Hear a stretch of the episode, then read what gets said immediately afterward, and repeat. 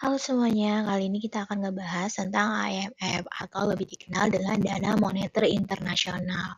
Udah pada tahu dong apa itu IMF, lembaga keuangan dunia yang kerap turun tangan ketika suatu negara sedang dilanda krisis dan memberikan dana bantuan. IMF adalah salah satu badan khusus yang lahir bersamaan dengan Bank Dunia dan GATT atau WTO ya sekarang untuk membantu menjamin kesehatan perekonomian secara global. Maksudnya, di sini IMF menyediakan dana bagi para anggotanya untuk keperluan mencegah krisis dan menyelesaikan masalah neraca pembayaran negara anggotanya.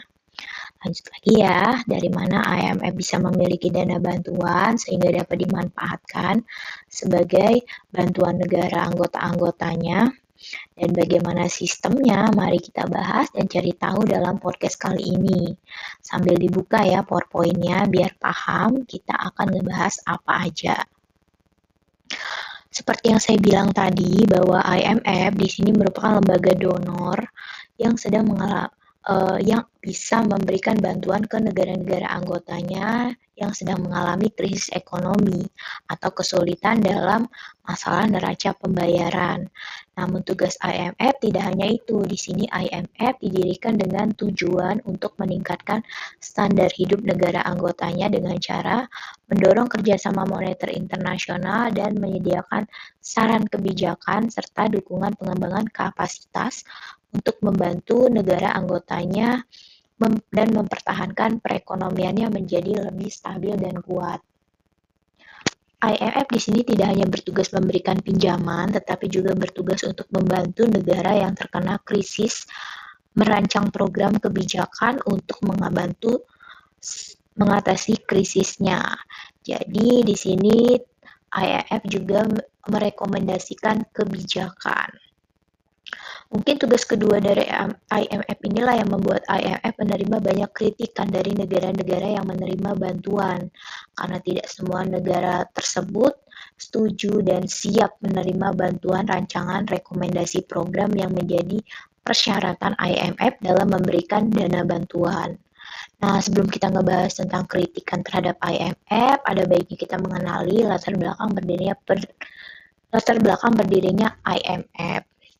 IMF di sini bersama dengan Bank Dunia dan WTO sekarang uh, terbentuk pada sebuah konferensi internasional yang diadakan di Bretton Woods yang menghasilkan Washington Consensus untuk membentuk suatu kerangka bagi kerjasama ekonomi dan pembangunan yang mengarah pada perekonomian global yang lebih stabil dan sejahtera. Menghadapi tantangan perekonomian dunia yang selalu terus berkembang. IMF di sini merupakan perwujudan dari konsep neoliberalisme yang di dalamnya mengharuskan negara-negara yang menerima bantuannya menjalankan tiga pilar, yaitu liberalisasi, deregulasi, dan privatisasi. Nah, pilar tersebut dianggap akan membantu negara-negara tersebut keluar dari krisis yang berkepanjangan dan pilar tersebut merupakan hasil rekomendasi kebijakan negara-negara yang menghadiri konferensi Bretton Woods sehingga menghasilkan Intergovernment Organization multilateral yaitu salah satunya IMF. Di sini IMF memiliki SAP atau Structural Adjustment Program dalam membantu negara-negara tersebut berisi disiplin fiskal tentang perlunya defisit anggaran yang tidak boleh melebihi 2% dari produk domestik bruto. Selanjutnya, uh, reorientasi pengeluaran publik yaitu di sini pemerintah perlu memprioritaskan pengeluaran anggaran untuk kepentingan publik sehingga diperlukan pengurangan jumlah anggaran belanja pemerintah yang tidak penting. Selanjutnya yaitu reformasi pajak, yaitu pemerintah perlu memperluas basis pemungutan pajak untuk membantu pemerataan kesejahteraan masyarakat di negaranya.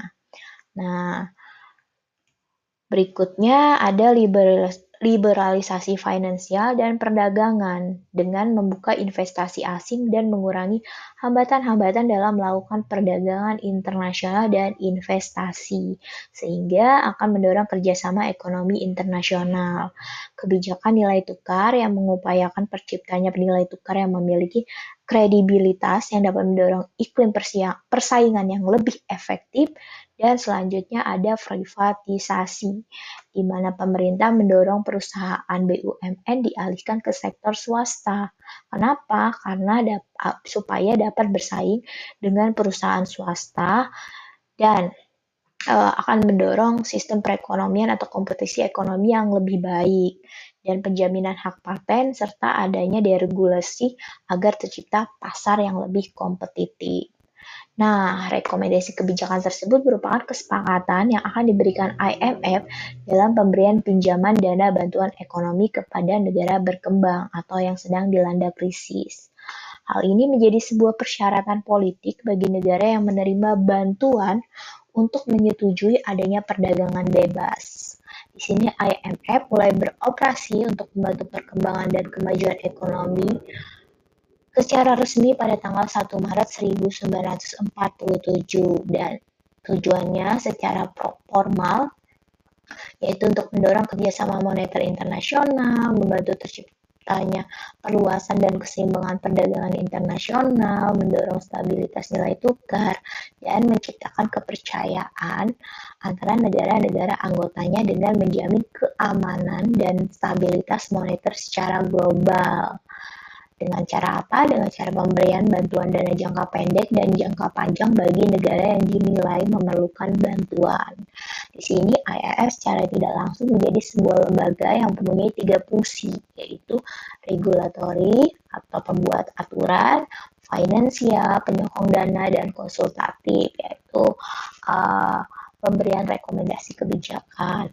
Di sini IMF beranggotakan 189 negara sebagai lembaga moneter internasional. Di sini IMF juga punya peranan seperti koperasi ya, yang pelaksanaan operasinya dilakukan oleh Dewan Perwakilan Pemerintah Negara Anggota.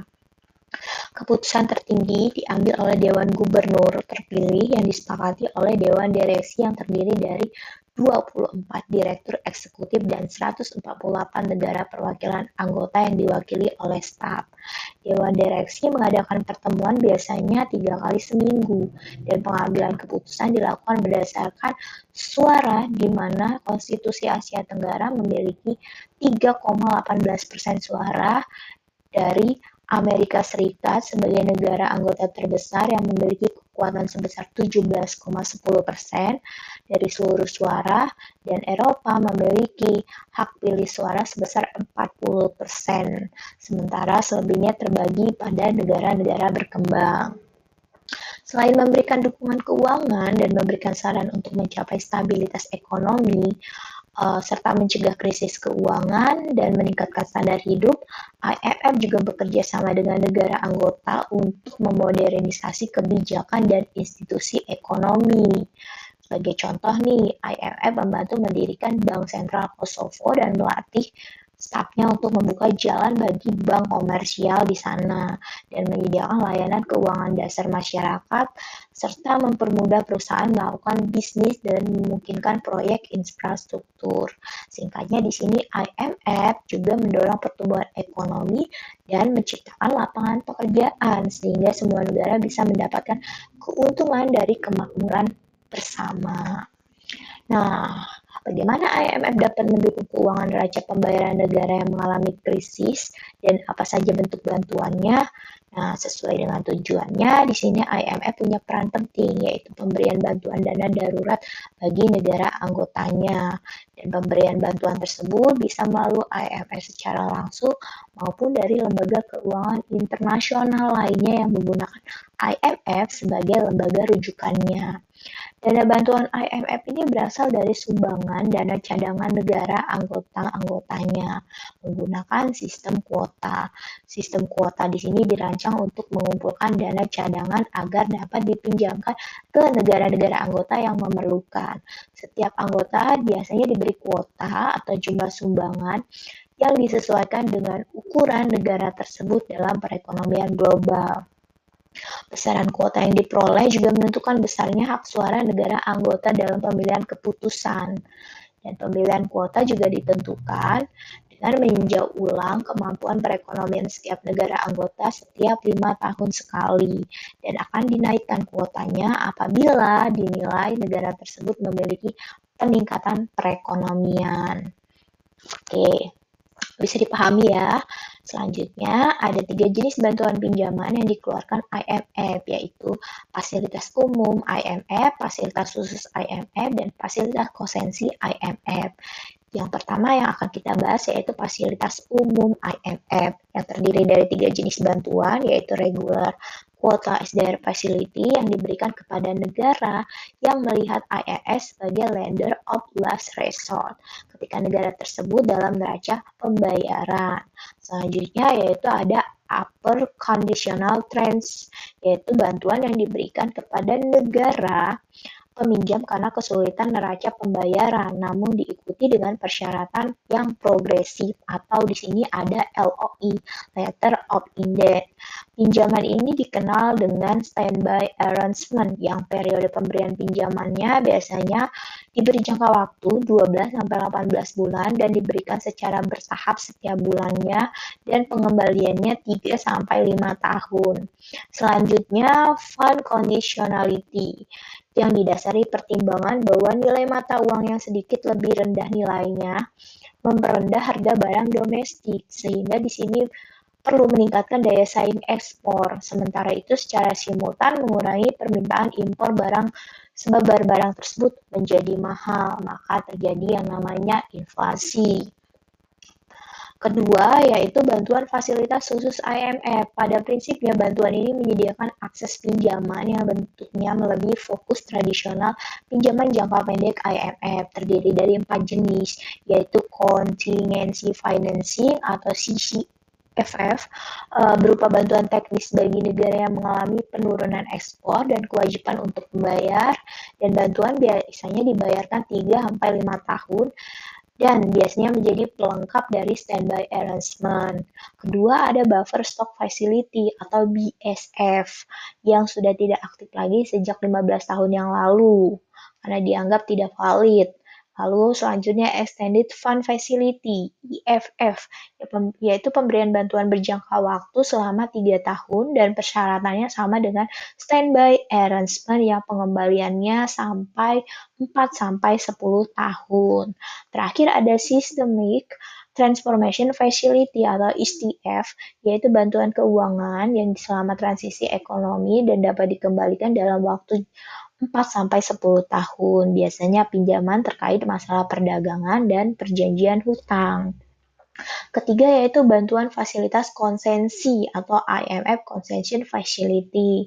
Di sini memiliki dua skema yaitu Enhanced Structural Adjustment Facility atau disingkat ESAF dan Enhanced Facilities disingkat EF. ESAF diberikan kepada negara yang kesulitan membayar hutang, biasanya diperuntukkan bagi negara miskin dengan disertai program reformasi ekspor dan jangka waktunya lumayan relatif panjang. Untuk IF diberikan kepada negara yang berpenghasilan rendah dan mengalami masalah neraca pembayaran dan dianggap sebagai bentuk pinjaman. Nah, berbagai instrumen peminjaman IMF ini dirancang khusus untuk berbagai kebutuhan neraca pembayaran serta keadaan khusus yang dialami negara-negara anggotanya yang berbeda-beda. Negara berpendapatan rendah dapat meminjam dengan persyaratan konsensional atau pinjaman lunak melalui fasilitas yang tersedia dalam dana amanah pengurangan kemiskinan dan pertumbuhan atau Poverty Reduction and Growth Trust atau disingkat VRGT. Nah, kalau untuk lebih jelasnya mungkin kalian bisa membuka uh, website IMF dan melihat IMF support for low income country yang saat ini berada pada tingkat bunga 0%. Secara historis untuk negara-negara kekuatan ekonomi baru dan negara maju yang berada dalam krisis, sebagian besar bantuan IMF disediakan melalui standby arrangement untuk mengatasi masalah atau potensi masalah neraca pembayaran jangka pendek. Oke, selanjutnya ada Standby Credit Facility atau SCF yang memiliki tujuan yang serupa bagi negara-negara berpendapatan rendah.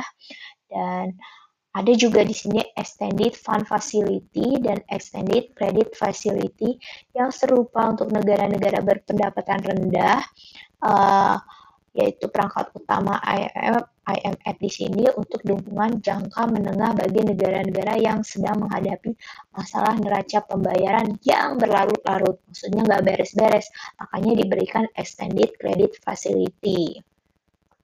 Uh, penggunaannya telah meningkat ya secara substansial sejak krisis keuangan global yang mencerminkan sifat struktural dari masalah neraca pembayaran beberapa negara anggotanya.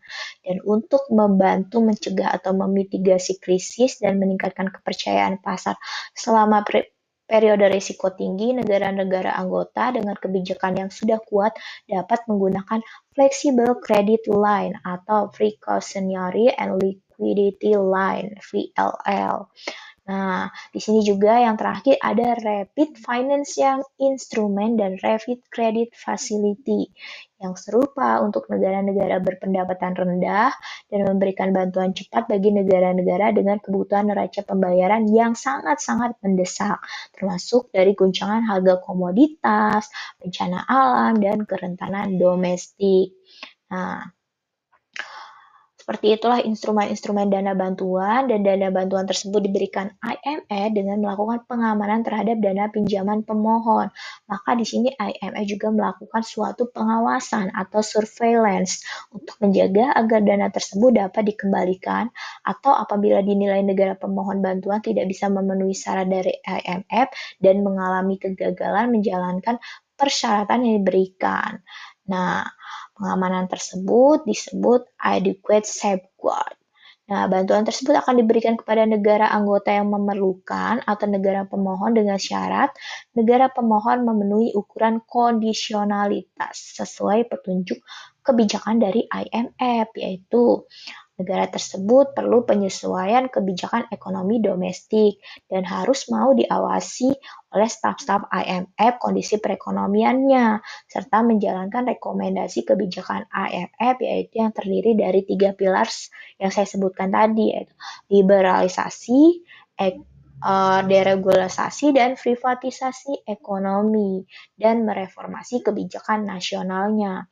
Kondisionalitas tersebut merupakan serangkaian kebijakan dalam mencairkan pinjaman IMF dan jaminan bagi IMF bahwa negara pemohon bantuan dapat mengembalikan dana tersebut. Kebijakan yang diberikan IMF akan bervariasi tergantung keadaan negara pemohon bantuan. Misalkan negara yang memohon bantuan karena masalah penurunan harga ekspor dan berita arus keluar modal seperti suku bunga rendah dan defisit anggaran, sistem perbankan yang tak terkelola dan efisien.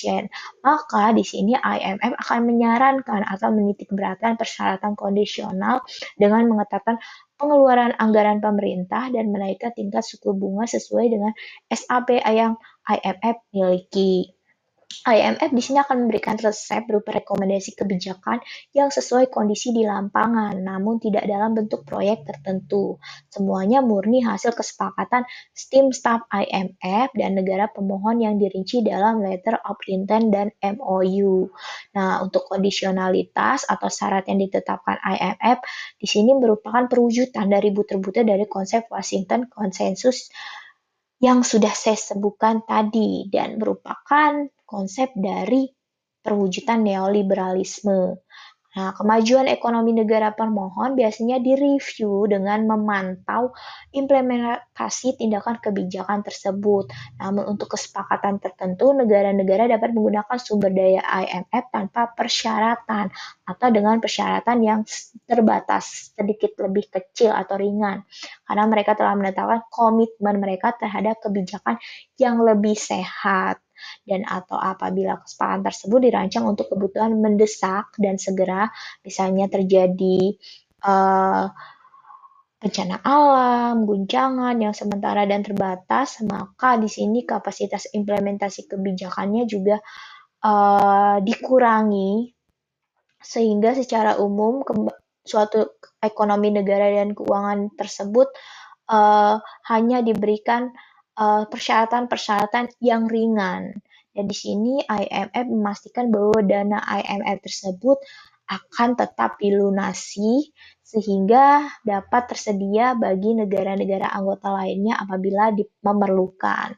Nah, setelah kesepakatan tentang paket kebijakan dan pembiayaan tercapai rekomendasi, uh, maka Dewan Eksekutif IMF di sini uh, mulai mengulurkan akses ke sumber daya IMF. Proses ini dapat dipercepat dengan mekanisme pendanaan darurat atau emergency financial mechanism.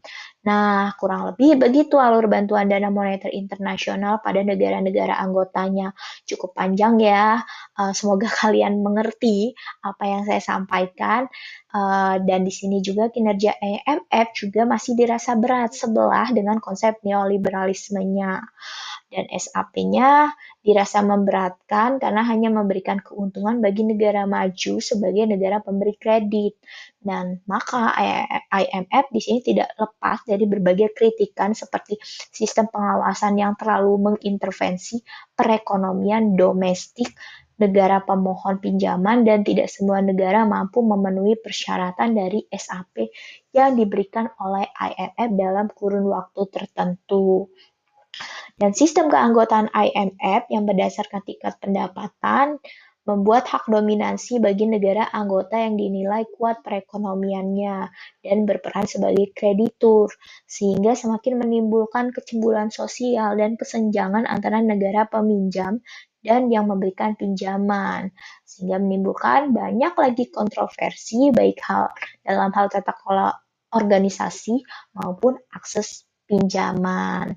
Dan untuk memahami kritikan tersebut sebenarnya adanya IMF di sini cukup sangat membantu dalam memberikan pinjaman lunak dalam jangka waktu tertentu. Diberikan sesuai persyaratan SAP-nya. Namun di sini perlu dilihat jenis krisis yang terjadi di negara peminjam dan dianalisis akar penyebabnya secara rinci, sehingga IMF di sini dapat memberikan rekomendasi kebijakan yang terbaik dan memprediksi kesiapan negara pemohon bantuan untuk menjalankan persyaratan atau kondisional dari IMF tersebut. Bisa kita lihat ya, contohnya tiga negara yang terkena dampak krisis uh, secara global ya 9798 sini ada Thailand, Indonesia, Malaysia, Korea Selatan dan dari beberapa negara tersebut yang menerima bantuan dana IMF tidak semuanya cepat bangkit termasuk Indonesia. Karena Indonesia akar krisisnya berbeda dengan krisis yang terjadi di Thailand dan di uh, Korea Selatan. Meskipun sama-sama terkena dampak krisis ekonomi secara global. Nah, uh, maka dari itu itulah kesalahan yang sering terjadi uh, dari IMF sehingga menimbulkan banyak kritikan yaitu masih terbatasnya analisis IMF IMF terhadap krisis yang terjadi di negara pemohon bantuan dan pada akhirnya di sini terjadi ketidaksiapan negara yang diberikan pinjaman dalam menjalankan persyaratan yang telah ditentukan. Nah, mungkin itu saja yang dapat saya sampaikan tentang uh, sistemat secara sistematik apa itu IMF, fungsinya, tujuannya, dan mungkin nanti kita dapat berdiskusi lebih lanjut untuk menanggapi sebenarnya uh, eh, IMF ini memang sangat diperlukan atau perlu rekomendasi lembaga moneter internasional yang lebih baik dari IMF. Oke, sampai sini saja podcast kali ini. Semoga kalian bisa memahaminya. Sampai jumpa lagi di podcast uh, minggu depan dengan materi-materi yang lebih uh, menginspirasi dan membuat kalian paham tentang apa saja tentang materi-materi keilmuan dari disiplin ilmu hubungan internasional. Baik, Assalamualaikum warahmatullahi wabarakatuh. Selamat siang.